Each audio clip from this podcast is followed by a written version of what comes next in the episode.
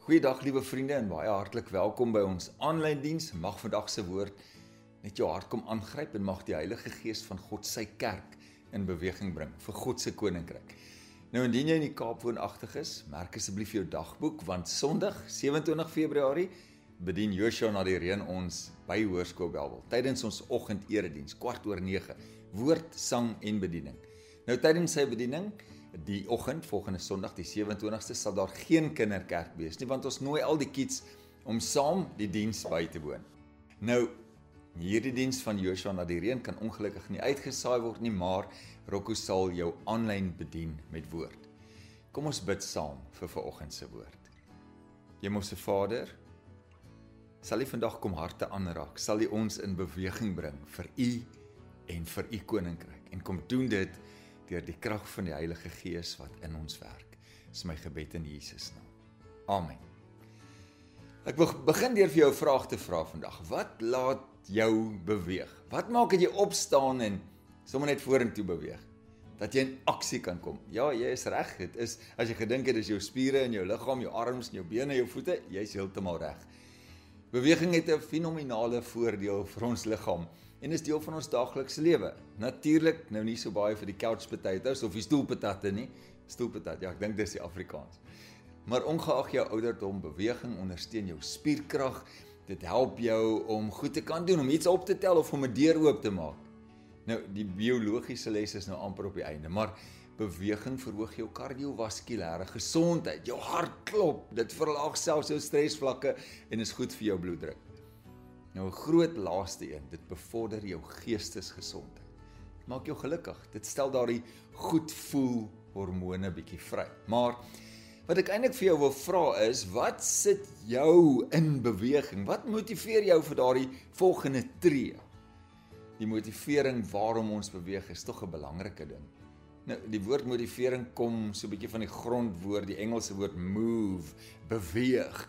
Ek is oortuig in my hart dat vandag se woord jou so bietjie gaan laat beweeg, jou gaan laat move en en as dit jou motiveer dan is dit ook goed, maar ek bid dat dit jou nie sonder beweging sal laat nie. So, kom dink gou so 'n bietjie saam met my. Wat laat jou in beweging kom? Wat is daardie ding wat jou motiveer om om elke dag te begin, om te beweeg, om om uit die bed uit op te staan? Nou mense ook kon vra, wat hou jou aan die beweeg? Wat laat jou steeds vorentoe beer al is die opdraande styl en al is die pad lank en swaar? Ons kan dit ook so 'n bietjie beweegredes noem. Ek het my tema so saamgestel. Wat is jou beweegredes? Is dit dalk jou oggendkoffie? Of jou verantwoordelikhede, jou kinders, jou werk, geldjies? Of sommer net jou blaas wat jy opjag. Nou party mense sukkel oor die algemeen so 'n bietjie om aan die gang te kom. En daarom is ons land en ons wêreld vol van motiveringssprekers en life coaches. Um, en hulle is hoog in aanvraag en verdien sommer baie geld. En toe kom COVID en alles stop en genigtig. Dit voel of mense nou selfs ander mense moet motiveer om kerk toe te kom. Miskien was dit maar nog altyd so. Maar wat is jou beweegrede?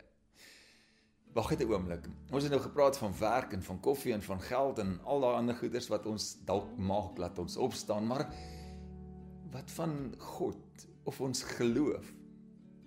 Het dit dalk so 'n bietjie in jou gedagtes gekom dat dit moontlik een van jou beweegredes is of daardie brandende behoefte om wakker te word, om tyd alleen saam met God te spandeer of om vir ander te bid?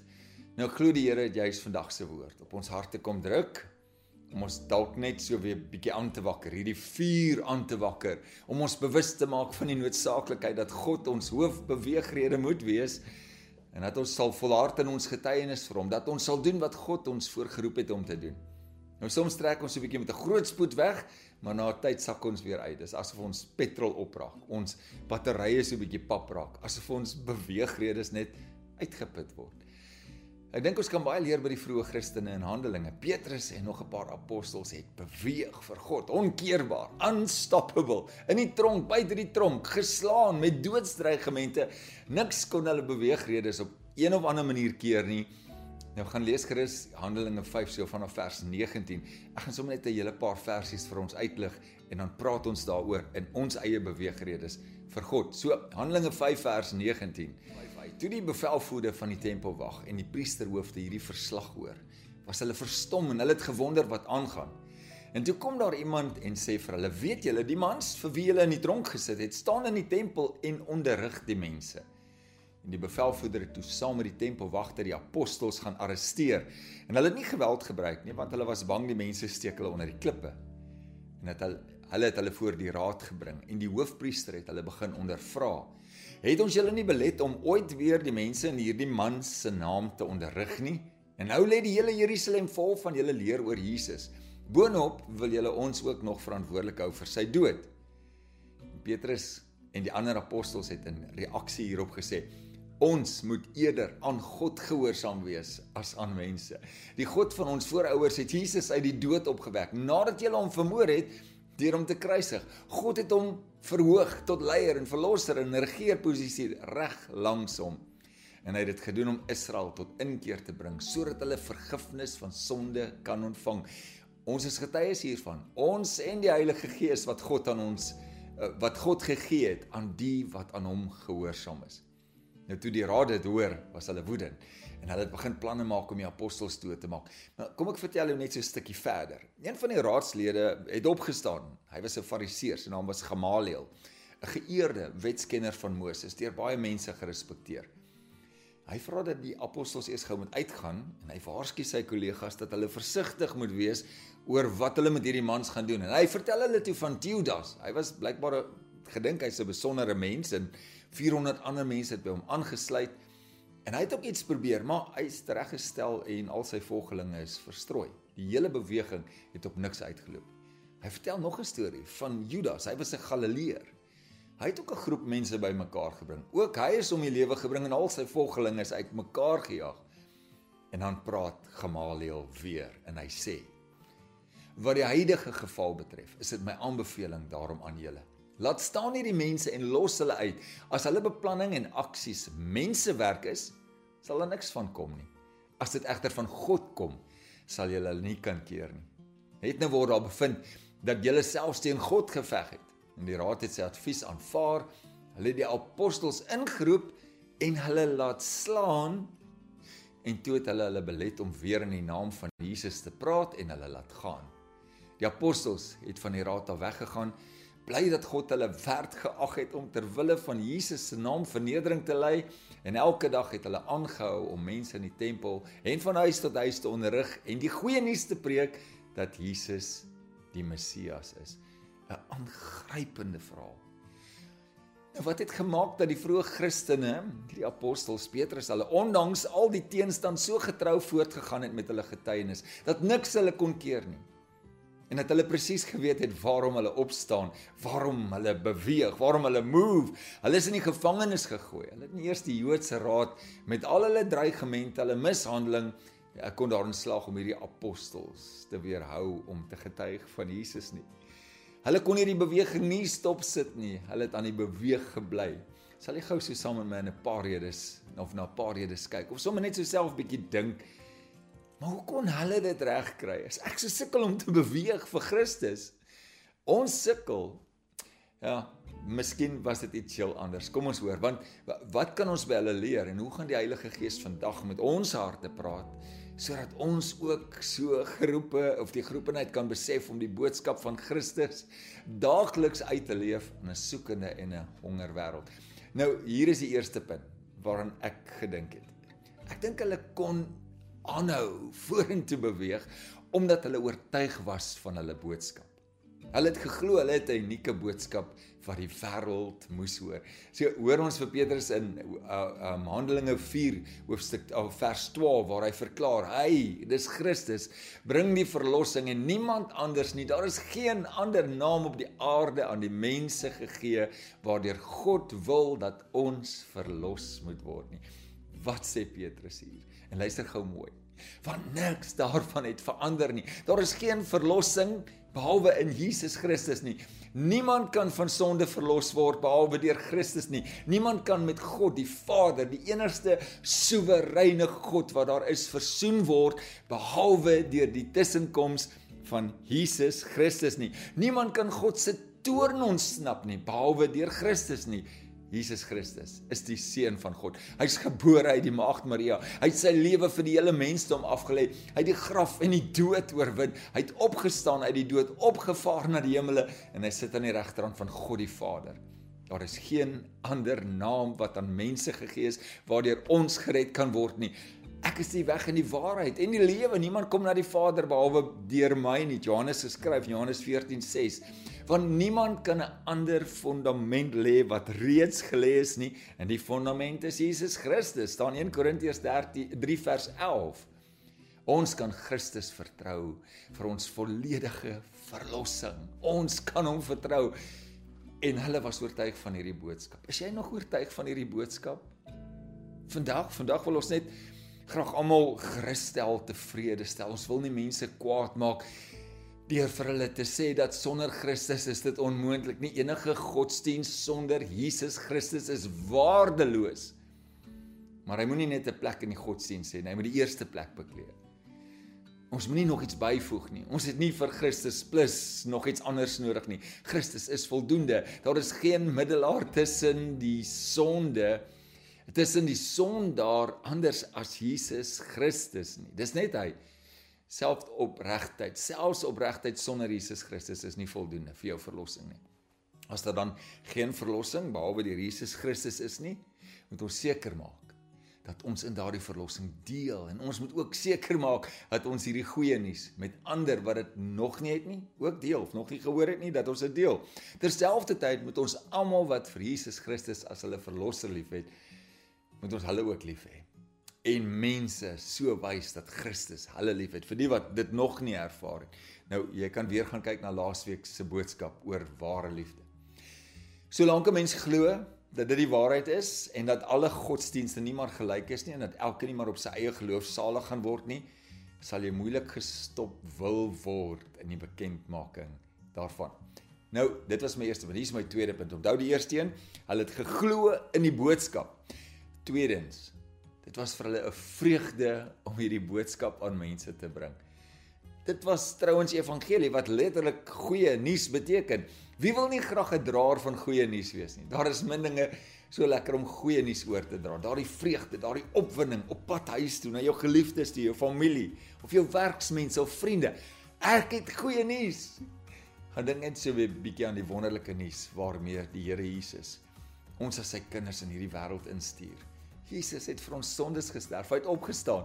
God is lief vir sondaars en wil hulle van al hulle sondes vergewe en ons van al ons sondes vrygemaak het. Die dood is oorwin. Wie in die Here Jesus glo, ontvang 'n ewige lewe, die lewe in oorvloed. Wow, wow, wow. Ons word nuwe mense. Ou dinge is verby. Alles het nuut geword. Alles wat die vyand kom beroof het en gesteel het, het God weer kom teruggee. Hy herstel, hy genees. My naam is geskryf in sy handpalms en jou nou ook. Hy noem jou sy kind, sy vriend. Hierdie soewereine God, enige God. En hy plaas boonop sy Heilige Gees binne in jou as jou trooster, jou metgesel, jou raadgewer. En ek kan aanhou en aanhou en aanhou. Nou daarom het Petrus en Johannes vir die Joodse raad gesê, daar in hoofstuk 4 vers 20 Wat ons betref, dit is onmoontlik om nie te praat oor wat ons gesien en gehoor het nie.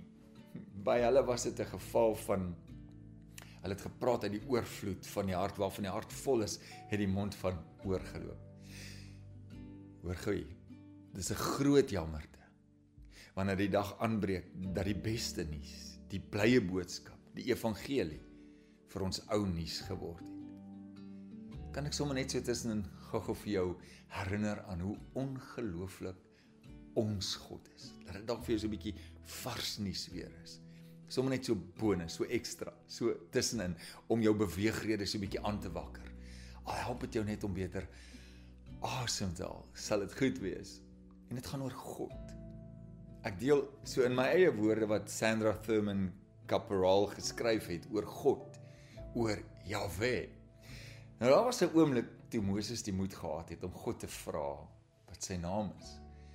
God was genadig genoeg om hom te antwoord en die naam wat hy gegee het is opgeteken in die oorspronklike Hebreëse teks as Yahweh. Hy ha wie ha.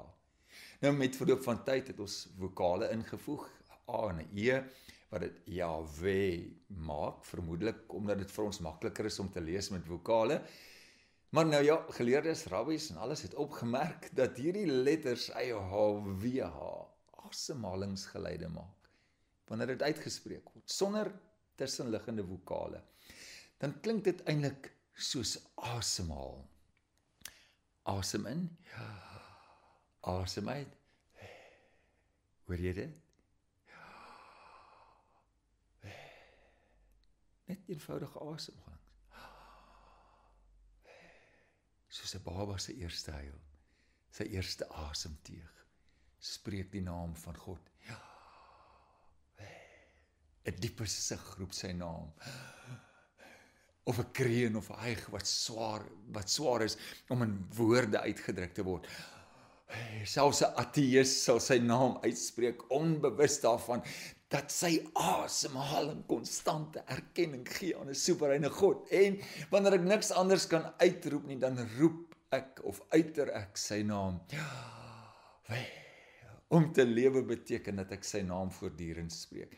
Hierdie beweeg my en so word Jawe die hardste gehoor as ek die stilste is. Ja.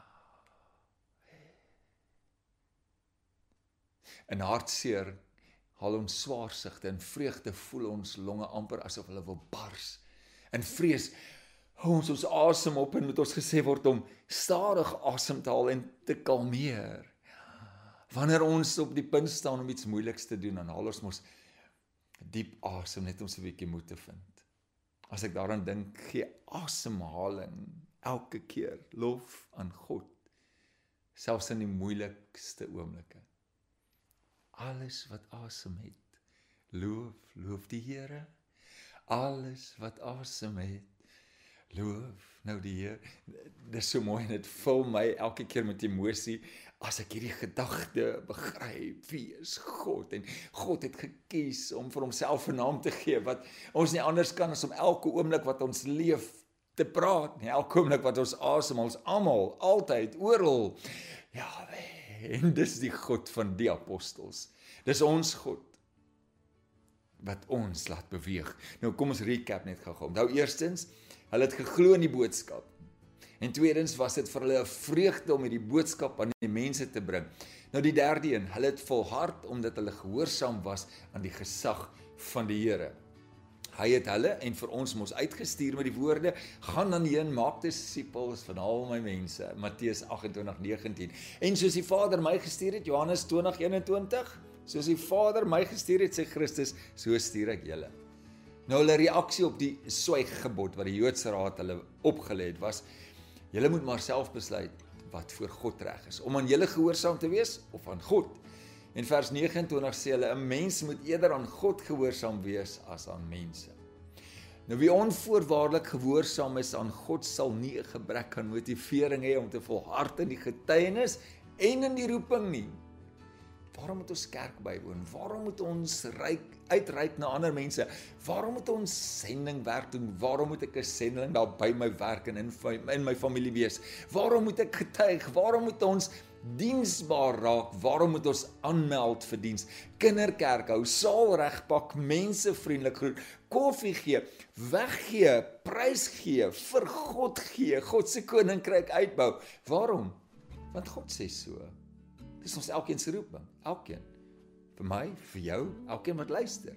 Jesus, die gekruisigde, die opgestane een wat sit aan die regterhand van God Ek doen dit nie vir 'n mens nie, nie vir 'n organisasie nie, vir harmonie gemeente nie, maar vir God.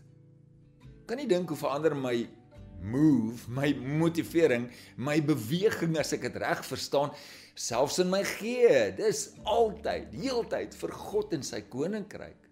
En daaraan moet ek gehoorsaam wees. Is jy nog met my? amper klaar. Onthou die eerste een. Hulle het geglo in die boodskap. Glo jy nog? Tweede een hulle dit was hulle vreugde om hierdie boodskap te bring. Jy nog bly oor wat God gedoen het. Die derde een, hulle het volhard omdat hulle gehoorsaam was aan die gesag van God, van die Here. Nou glo dat 'n vierde groot rede wat baie tot hulle motivering bygedra het, was ondersteuning wat hulle aan mekaar gegee het. Ek het so gedink aan ons mekaar reeks van so 3 jaar gelede. Ons het mekaar nodig. Nou ons kom dit so hier by die apostels so reg van die begin af agter. As ons lees hoe hulle hulself toegelê het op die onderlinge verbondenheid, die gemeenskaplike maaltye en gebede. Na Petrus en Johannes se eerste verskyning voor die Joodse raad, is hulle dadelik terug na hulle medegelowiges en hulle het saam gebid. Mense het daardie saamwees so nodig. Dis goed om aanlyn te kyk en jy groei geestelik, maar jy het nodig om by jou geloofsgemeenskap uit te kom. Staan op, beweeg, move, kom daar uit, maak weer 'n plan. Want ons sonder kan ons soveel makliker uitsak, selfs uitbrand. Onthou die koeltjie vuur wat eenkant lê, koel baie gou af. Nou in ons gesinne en ons groeigroepe en by harmonie gemeente of jou gemeente waar jy is, kan ons mekaar baie help om te volhard deur mekaar te bemoedig en saam met mekaar te bid. Paulus het op verskeie plekke in sy briewe sy lesers opgeroep om vir hom te bid sodat hy kan voortgaan om die evangelie met vrymoedigheid te verkondig elke volgeling van die Here Jesus behoort so 'n geestelike ondersteuningsgroep te hê wat sal help dat jy gemotiveerd bly. Nou as jy nie by so een is nie, sluit sommer vandag nog aan. Jy weet mos ons harte is ook oop vir jou by Harmonie Gemeente. Sommer vinnig, moenie dat iets jou keer nie. En die laaste ene, ehm um, hy's my eintlik half so 'n bietjie tweeledig wat ek kom bespreek. Volhard daarbey in gebed saam met die Heilige Gees krag wat binne in jou werk. Vriende, gebed is so belangrik. Omdat ons nie in ons eie krag kan volhard nie. Ons is afhanklik van die krag van die Heilige Gees. Jesus het dit ook so aan hulle gestel. Julle sal krag ontvang wanneer die Heilige Gees oor julle kom. Julle sal my getuies wees. Onthou Handelinge 1 vers 8. Petrus was van tevore baie gemotiveerd om deur dik en dun by Jesus te staan, maar tog het hy hom verloor 3 keer. Hy het nie die krag in homself gehad om staande te bly nie. Hy het ontken dat hy Jesus ken, Petrus. En in Handelinge kry ons met 'n heeltemal nuwe Petrus te maak, want hy tree nou op in die krag van die Heilige Gees wat op Pinksterdag oor hulle uitgestort is. In hulle eerste verskyning voor die Joodse Raad staan daar in hoofstuk 4 vers 8, toe het Petrus vol van die Heilige Gees vir hulle gesê. En vers 31 sê, hulle is almal met die Heilige Gees vervul en het met vrymoedigheid die woord van God verkondig. En Petrus verklaar ook in vers 32. Jy kan dit gaan lees. En ons is getuies hiervan ons en die Heilige Gees wat deur God ehm um, wat deur God gegee is aan die wat aan hom gehoorsaam is. Vriende, sonder die Heilige Gees van God in ons sal ons dit in elk geval nie kan doen. Ek weet nie hoe jou motivering lyk nie, hoe dit met jou beweegredes gaan. Wat jou beweegredes is, wat jou nog aan die move sit vir God. Ek weet net dat die Here vandag nog soos destyds gemotiveerde, bewegende aan die beweegwerkers in sy wingerd nodig het. Mense wat aanmeld vir God. Hy het gemotiveerde werkers nodig. Mense wat die regte dinge om die regte redes doen mense wat nie hom gekoop, gelek, gesoebat, gesmeek hoef te word nie. Mense wat sal volhard ondanks teenstand, ondanks teleurstellings, ondanks teleurstellings in mens of probleme. Ek wil jou nooi. Wie nie vandag weer opnuut by hom aanmeld, by God, die oppergesag. Daardie besluit maak, daardie nuwe beweegrede net weer vasmaak vir God, vir sy koninkryk, waar hy ook al nodig het. Dit gaan dit gaan opoffering beteken. Dit gaan beteken dat jy onselfsugtige oorgawe moet maak. Maar dalk gaan jy dit anders kan doen. Dalk verstaan jy dit nou beter. Want dit is vir God, my kosbare vriend. Mag God en sy saak jou beweegrede word soos nog nooit van tevore. Nou gelukkig was daar dwars deur die geskiedenis sulke volgelinge wat gesorg het dat die lig van die evangelie verder en verder gedra is. Dit is ook ons geslag, ons wat vandag lewe, ons verantwoordelikheid en ons voorreg om dit vorentoe te beweeg. Hoe lyk jou beweegrede? Besef die boodskap van die evangelie son eh, is uniek. Onthou dit is goeie nuus dat ek en jy dit so oor wil dra. Wees gehoorsaam aan die Here, ondersteun mekaar maak in gebed staat op die Heilige Gees. Ek wil graag weer vir ons 'n gebed doen. Kom ons bid saam. Hemelse Vader, ons het so nodig om in beweging te kom vir U.